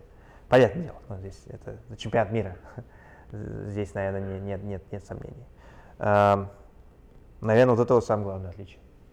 И вот пока мы, кстати, на теме подкаста, хотелось узнать, ну вот мы, допустим, когда обычно зовем гостей, мы обычно сначала ориентируемся на то, кто был бы нам интересен, да, какие бы мы могли извлечь для себя интересные моменты, и потом думаем уже о том, как можно было бы это фреймить для зрителя. И вот э, хотелось узнать у вас вот после ваших большого количества ваших подкастов, может быть, какие главные инсайты, может быть, два инсайта вы для себя извлекли и могли бы рассказать? Я, я совершенно согласен с этим подходом. Я, у меня, я ровно такому же подходу следую. Первое, если это тебе не интересно, ты сдашься быстро. В первую очередь надень маску на себя. Да, да, то есть это самое важное. Потому что если креатору это не интересно, вы пос, ну, посмотрите, там, поговорите с любым режиссером, художником, они рисуют картины, которые им интересно рисовать. Они снимают фильмы, которые им интересно сделать. Подкастер должен делать эпизоды, которые ему интересно, ему, ей интересно исполнить. И потом уже думают про зрителя. Потому что если тебе это интересно, э, это, это чувствуется. Это, эта энергия плывет, течет, и э, это будет полезно для зрителей в том числе. Два инсайта из подкаста, мне трудно, наверное, два инсайта выбрать. Я, я искренне задаю вопрос, который мне лично интересен. Я не скрываю этого. Мне интересно там, как работает capital calls в венчурном капитале, я это спрошу. Я спрошу, типа, я спрошу, и вот, наверное, вот это тоже важный момент. Э, я люблю в детали вдаваться. Вот, я не люблю на поверхности плавать. Я, я иду до конца, э, чтобы не было все там ясно. Например, когда, а, ну, например, фонд, например, вот такой интересный вопрос, да, а, большинство, фонд, ну, вот, большинство фондов, они, ну, как бы в венчурном капитале фидбэк-клуб очень долгий, там, 10 лет до экзита, да, ты, ты, это не ликвидный, не ликвидный э, актив, да, ты 10 лет замораживаешь свои деньги. Э, и потом, когда происходит IPO или продажа, э, там, там локап период какой-то заканчивается, да, то ты можешь это конвертировать в капитал, да, условно. И тут возникает вопрос, ты, ты можешь эти, все это вернуть своим инвесторам сразу же, через, после IPO, после продажи. Либо, как это сделал Sequoia Capital, попытаешься сделать Evergreen Fund, где ты остаешься в сделке после IPO. И они там приводят примеры, там, Intuit, Google, Intel, там, ну, много компаний, которые после IPO еще там 20-30x выросли. А, но, но, э, как бы это уже другая, другой, другой скилл-сет. Это ты уже паблик сток инвестор. Этот, этот, этот скилл-сет очень сильно отличается от VC. И это большой риск для, для VC оставаться, в, в, в, в, оставаться инвестором в публичной компании, потому что там уже другой метод андеррайтинга, чем когда ты вкладывался в эту компанию в, в раунде A. И мне вот было интересно, например, как, э, э, как фонды э, вот этот, вот этот риск балансируют. Хорошо, как они балансируют риск до, до этого экзита? Потому что, ну, например, представим, что вы вложили на Series A, да? когда происходит Series B фандинг, вы продаете какую-то долю своих акций, которые вы купили тогда, чтобы чуть-чуть свои чипы со стола снять? Или вы все время держитесь? И вот это интересно узнать, как это делают разные фонды. Сколько, сколько процентов чипов вы оставляете, со стола стягиваете каждый, после каждого раунда инвестиций? Потому что есть фонды, которые про, никогда ничего не они просто держат, держат, держат. Но это риск тоже, вы увеличите свои риски. Ну вот, например, такой вопрос. И ты такой вопрос можешь задать только игроку на поле человеку, который играет на поле. Ты не можешь этот вопрос задать журналисту, который там поверхностно знает эту тему. Ты не можешь задать вопрос человеку, кто прочитал книгу про, там, про, прочитал книгу про, про вечный капитал. Ты задаешь вопрос человеку, кто этим живет, кто это делает, практикует. Да, и вот на самом деле, как вы сказали в начале, то, что такие вопросы, возможно, в, там, за кофе будет странно спрашивать, конечно, будет конечно. звучать не... Да, особенно если твой друг, да, Вообще, я, он такой, я думал, просто пообщались, пообщаться, ты мне загружаешь какими-то вопросами еще. Ну, на кофе не странно это спрашивать, абсолютно. На кофе что-то хочешь расслабиться, а не напрягаться, да? Поэтому подкаст это, это хороший формат для, именно для вот этого. Опять же, идеальный формат для любознательных интровертов. Ну и одна из последних тем, наверное, которую мы хотели бы затронуть сегодня, это ваша личная жизнь. А, вот вы, э, получается, закончили бакалавриат, да, то есть когда основной момент времени, когда формируется личность, вы пробыли в США, и э, в целом мы заметили, что вы, США очень близко к вашему сердцу, вы успели два раза туда съездить, уже пожить, а, и вся эта венчурная тема стартапа, она тоже очень близка к США, правильно? И вот хотелось узнать, а также знаю, что вы попробовали пожить и в Индии, но сейчас вы все-таки живете в Казахстане, и вот хотелось узнать, почему вы выбрали все-таки жить в Казахстане, и есть ли у вас какое-то какое-то желание в какой-то момент переехать в США и жить там? Да, и классный вопрос. Ну да, США это моя Турция, мой Таиланд. То есть я, я в тринадцатом году, когда сюда, отсюда уехал, да, то есть э, я обязательно сюда приезжал как минимум раз в год. И сразу на месяц. Вот особенно, когда еще не был женат. Это был прям традиция. На Новый год я приезжал сюда на месяц. Ради знаний, ради... ради... Ну, для меня США это знания и, и люди. Это не, это, это не Times Square, это не Golden Gate Bridge. Мне вообще, честно говоря, не интересны эти, эти, эти, эти, эти, эти там здания какие-то. Или там бургеры. Для меня США это знания и люди, и все, и все больше ничего. А, Вот, и я для, для этого каждый год приезжал. Всегда. Да, то есть был всего лишь один год, по-моему, 20 год, когда я не был, ну, по понятным причинам. Э, в, 20, 21 э, году, когда, ну, 20, 22 год, когда я здесь жил, точнее, если бы точнее, не, я уточню, Калифорния для меня, э, Северная Калифорния для меня такой, ну, и какой часть Нью-Йорк тоже, мне Нью-Йорк тоже нравится. А, вот, э, 20, ну да, э, насчет вопроса, ну, смотрите как, я в 2013 году вернулся, э, потому что, ну, во-первых, я знал, что мне нужно вернуться, что бакалавриат был Балшаковский, мне дали отсрочку, я должен был вернуться. Это самая главная причина. Я не сильно рассматривал там какие-то альтернативные пути. И это было, наверное, все-таки правильно, потому что э, все-таки в Казахстане дешевле делать ошибки, да, э, в Казахстане дешевле заниматься предпринимательством да, то есть и я думаю, что это классно было. Ну вот там пять лет провел, и за эти пять лет какая-то есть репутация там и так далее, и вы потом глупо это все обнулять и что-то там с нуля начинать в другом месте, да. Э, поэтому я там продолжаю что-то там строить. Но, тем не менее, говоря о планах, я бы хотел бы вернуться в Америку, э, э, как бы, но для этого я бы хотел бы докрутить свои бизнесы в Казахстане и довести до, до их до уровня, где я смогу ими управлять удаленно. Вот это, наверное, для меня важно. Я смогу спокойно поехать в Америку с семьей. Я, у меня есть даже конкретный ежемесячный, э, ежемесячный доход, который мне нужен, который я буду зарабатывать в Казахстане, чтобы я мог очень комфортно, э, то есть так же комфортно, как в Алмате мы живем, жить комфортно Э, в Америке. Да, и вот, но для этого мне нужно все-таки довести компании там, до того уровня, где там, можно все-таки удаленно ими управлять. Ну, наверное, вот так вот. Если откровенно говорить, мне, мне конечно же, хотел бы что интересно здесь сделать. Да. Но, но, но правильно сделать. Не двумя ногами прыгать, а одной ногой стоять, а другой искать. Потому что в Америке сразу все не получится. То есть в Америке я, бы, я не буду делать кэшлоу бизнес в Америке, я буду делать стартап. Америка это место для того, чтобы делать что-то рискованное, острое, на, э, с высоким уровнем неудачи. Зачем здесь, я не хочу создавать кэшлоу бизнесы. Это место для каких-то больших, смелых вещей. А чтобы это делать, мне должно быть, чтобы моя вторая нога стояла на а, хорошей опоре. Вот чем я сейчас и занимаюсь, в принципе, с построением этой, этой опоры. А так вот просто прыгать э, в Америку, при, приехать без подготовки а, и там пять лет здесь страдать, а, неинтересно. да. Пять лет здесь выживать, ну как бы.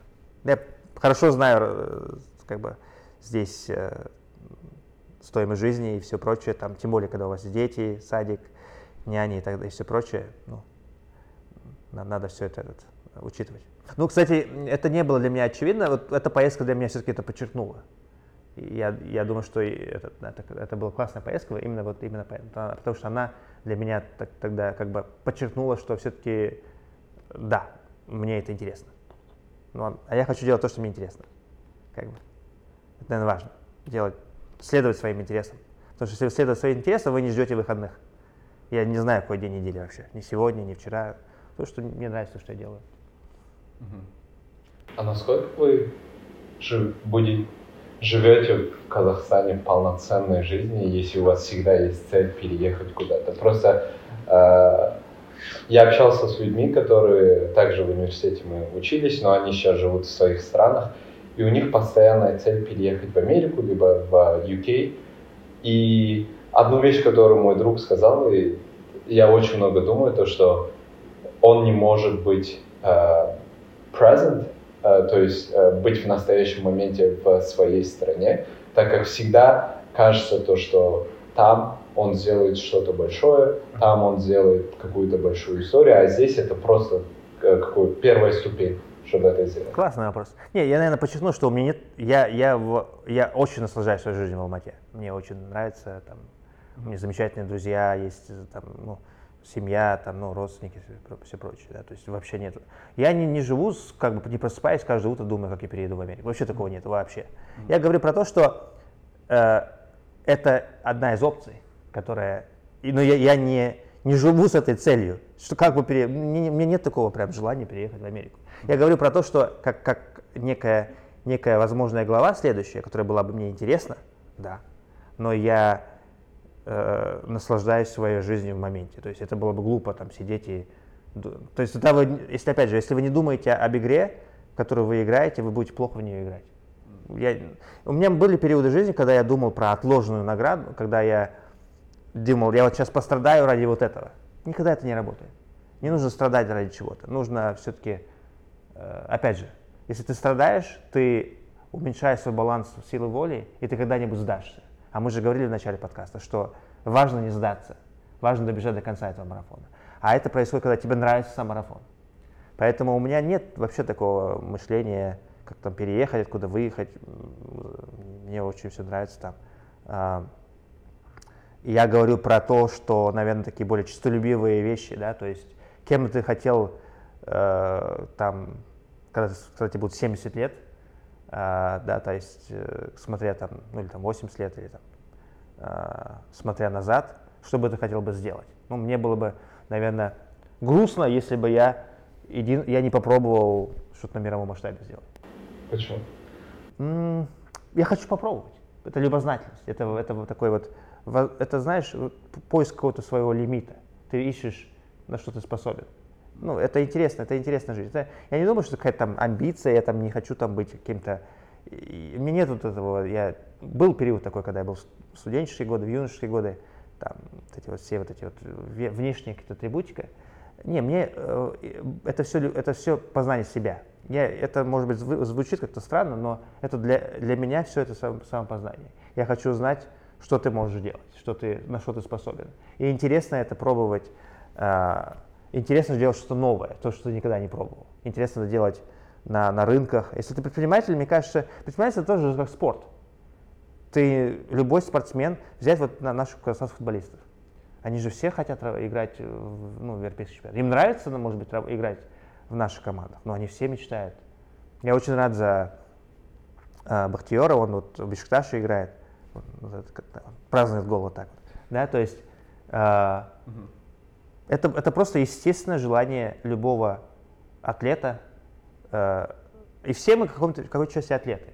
Да, то есть инженеры интеллектуальные атлеты, то есть предприниматели тоже там интеллекту- интеллектуальные атлеты.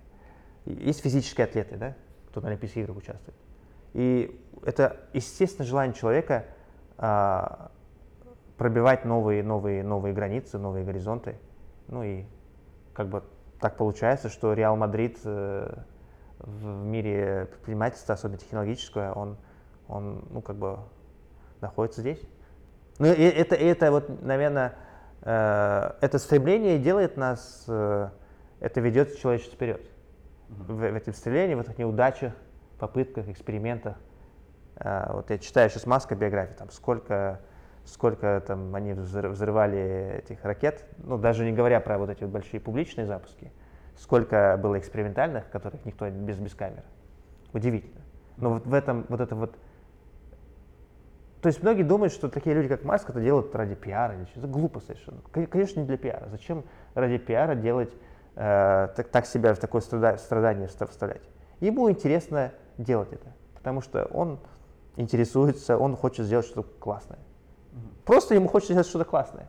Это не делается ради пиара. Вот многие, э, наверное, инфлюенсеры, которые делают что-то ради пиара, всех примеряют к этому. Они все думают, что все делают что-то ради пиара. Многим людям вообще не интересен пиар. Они делают только потому, что это им интересно. Взять Майкла Льюиса.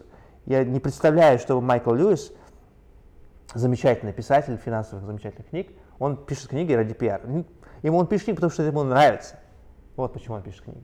Илон Маск создает компании, запускает ракеты в космос, потому что это ему нравится. Потому что он получает огромное удовольствие. Э, Потому что невозможно как бы работать, сколько работает он, э, если тебе это не нравится. Да, у него есть куча там комплексов, там э, с трудного детства, которые он там каких-то вот вещей, как недостатков его, которые он, которые там он делает его очень сложным менеджером и так далее. Но опять же, мне кажется, самые интересные люди, они делают вещи не ради чего-то, а ради этой самой самого вещи, ради самой этой вещи. Они пишут картины, потому что им нравится писать, рисовать картины. Mm-hmm. Они пишут код, потому что им нравится писать код. Ну и как бы мне больше всего нравятся такие, такие люди, mm-hmm. которые не, не которые не, не придумывают какие-то косвенные вещи там. Я сделаю вот это для того, чтобы сделать вот это. Mm-hmm. Наверное, так. А, напоследок, э, как последний вопрос, мне кажется, а, было бы хорошо узнать, особенно для наших а, молодых слушателей, как найти что-то, что им нравится, и работать в этой сфере, и делать историю в этой сфере, потому что тогда это не будет работой, это будет что-то, что они делают так, как это им нравится.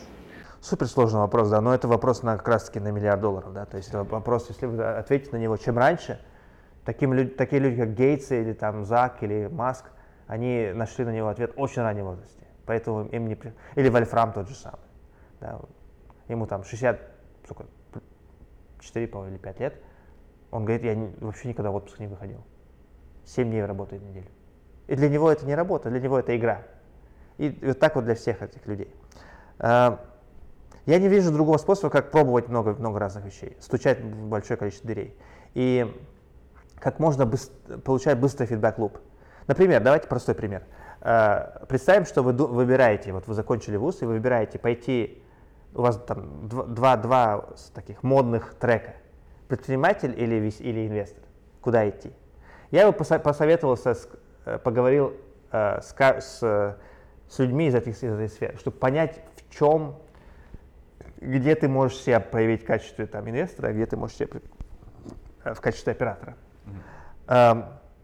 И ну, вот у меня возникает определенное как бы сейчас понимание, ну, наверное, э, что, э, опять же, я много обобщений буду сделаю сейчас, но эм, хорошими предпринимателями, операторами становятся люди, которые умеют фокусироваться долго на, на одной проблеме. Это первое. Второе, они с трудом, с трудом э, делятся контролем. Они любят контроль. Они, они хорошо управляют людьми, они ли, хорошие лидеры. Но главный фокус это главное умение, умение фокусироваться на одной задаче. Они не бегают, у них, у них нет желания быть экспертом во всем. Они очень могут найти задачу и вот глубоко ее копать. Потому что предпринимательство это оптимизация постоянно. Вы запустили продукт, потом вы должны начинать уменьшать себестоимость клиента, улучшать свой продукт. А улучшение продукта это, это тысячи тысячи маленьких нюансов. И тебе нужно, если тебе не, нравятся детали, тебе, наверное, очень трудно будет предпринимателем. Потому что предпринимательство это про детали. Да? Вот, и э, если вы ресторатор, ну, вам должно быть интересно, э, то есть, э, ну, опять же, я абстрактно говорю, я не знаю, как, что значит быть хорошим ресторатором. Я, наверное, не стоит мне этот пример вообще приводить, но я так понимаю, что нужно даже понимать э, ну, или уметь управлять, э, как бы э, вдаваться в детали, там, чистота салфеток, я не знаю, там, качество каждого из блюд и так далее. Если вам это не интересно, во-первых, да, или вам, опять же, трудно стать в этом сильным, если вам это не интересно. Поэтому вот, это если, если говорить про оператора, предпринимателя. А если говорить про, про инвестора, да, особенно венчурного инвестора, да, мы не говорим сейчас про паблик сток инвестора, да, это другая вообще есть история вообще, fund менеджер и так далее. Если говорить про венчурного капиталиста, это больше про а, то, где вам нравится множество идей.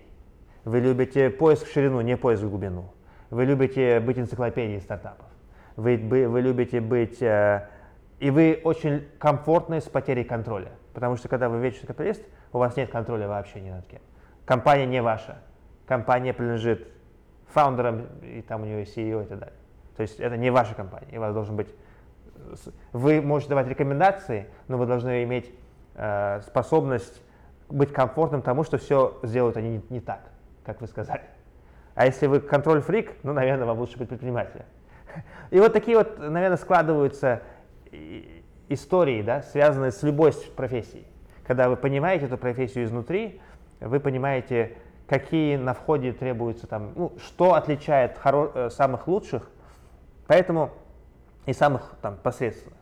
Поэтому какую бы сферу ни взяли, я бы э, большое количество экспериментов сделал, то есть поговорил бы с людьми из этой сферы и спросил, задал им какой-то легкий, ну, такой прям прямой вопрос. Если, например, скульптором, что отличает величайшего скульптора от подсредственного скульптора? Какие обычно способности есть этих людей, что, их, что у них общего есть. И потом примерять на себя, а есть ли у меня такие наклонности. Э, и это, интересно это мне или нет. Потому что могут нам, вот, например, мне интересен покер. Ну, как интересен э, не так сильно, как игрокам, ну, интересен, чтобы там один раз в месяц играть. Но это недостаточно, чтобы стать профессиональным игроком. У меня нет такого интереса, чтобы стать профессиональным игроком. У меня таких навыков, чтобы стать, потому что навыки появляются, когда у вас есть глубокий интерес. Да? Если вы готовы этим заниматься 8 часов в неделю. Да нет, я, я могу один раз в месяц играть. Это чисто любительство, да, например. Не, точно не чаще месяца. И вот нужно найти вещи, которые вы готовы делать 8 часов каждый день, 7 дней в неделю. И поговорить с людьми, кто, кто. И как можно быстрее это почувствовать на себе. Потому что мы часто э, в мечтах живем, э, что вот я когда-нибудь это сделаю. Но нужно проверить эту жизнь как можно быстрее. Я при, простейший пример приведу. Я когда был ребенком, там, до школы, я думал, я хотел быть, э, э, этот, в гонконгских фильмах хотел быть каскадером. Это была моя такая, такая мечта была. Э, я не знал, как, каково быть каскадером, ну, просто такая у меня была детская мечта. Я все время с ней ходил. То, что я любил гонконгские фильмы, мне нравилось, как они прыгают, падают. Мне нравилось, я вот, э, я помню, любил придумывать сцены. Я вот, сейчас уже у меня так мозг не работает, но раньше я вот видел это, и я думал, как Джеки Чан так, я вот сейчас вот оттуда прыгну, это там перевернется этот стул, я вот этот стол толкну вот так ногой, потом развернусь. И мне нравилось это придумывать. Я там записывал что-то такое. Ну, мне вот это такое нравилось. Я, мне прям хотелось быть каскадером.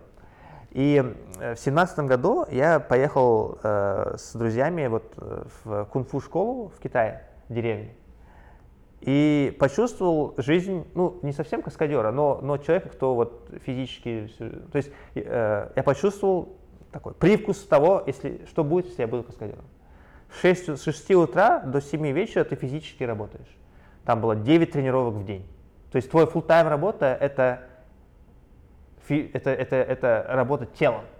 С 6 до 7 это тренировка там одна, потом с 7 до 8 другая, потом с 10 до 12 там с палками, потом обед, потом спарринги с, там, с 2 до 3, потом с 5 до 6, э, с 4 до 6 формы, и вот так весь день, и каждый день так.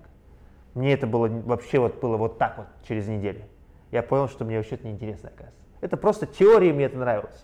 И лучше это проверить сразу же на месте. И вот мне кажется, в этом, наверное, рекомендация. Как можно быстрее проверять свои теории, гипотезы. Э, это нравится вам или нет. Готовы ли этому заниматься 8 часов в день, каждый день, без остановок. То есть бенчмарк должен быть такой. Ну, хотя бы там с двумя, два дня каникул, ну ладно. Но, но вот Вольфрам, Маска, они не отдыхают. Потому что это невероятно им нравится. Это не потому, что они такие трудолюбивые. Это иллюзия, это, не, это ленивые люди, ну, как бы, ну, в кавычках, да. Там, они любят, да, но им просто так нравится то, что они делают, то, что для них они не могут остановиться. Это для них компьютерная игра, которую они любят играть. И вот э, все люди, которые что-то интересное делают в мире, они играют какую-то интересную игру. Вот это, наверное, самое главное понимание, которое у меня, ну, по крайней мере, сегодня. Я думаю, что мы с вами встретимся через пару лет, я наверняка апдейтну эти знания, и это будет нормально. Я скажу, а что здесь я был неправ, неправ, неправ. У меня так часто происходит. Я многие вещи, как бы, это вот такой вот э, снапшот, но на э, сентябрь, там, октябрь, октябрь, да, уже, октябрь 23 -го года. Круто. И, наверное, таким э, очень классным советом мы подытожим наш подкаст. А, спасибо, Арман, что пришли к нам на эпизод. Да, мы успели вас поймать в последний день в Нью-Йорке. Да, наверное, нам было бы легче вас поймать в Нью-Йорке, чем в Казахстане, потому что мы реже там бываем. А вот Нурпи сейчас в Нью-Йорке, и я в Британии, поэтому мы в основном зовем гостей с э, Европы. А, вот еще раз спасибо за то, что пришли. Это был очень insightful и, мне кажется, для нас тоже а, такой полезный эпизод. А, и поэтому мы уверены, что зрителям тоже очень понравился. Вот, всем зрителям спасибо, что смотрели. Надеемся, вам тоже очень сильно понравилось. А, пишите ваши отзывы, комментарии, ставьте лайки и до скорых встреч. Пока.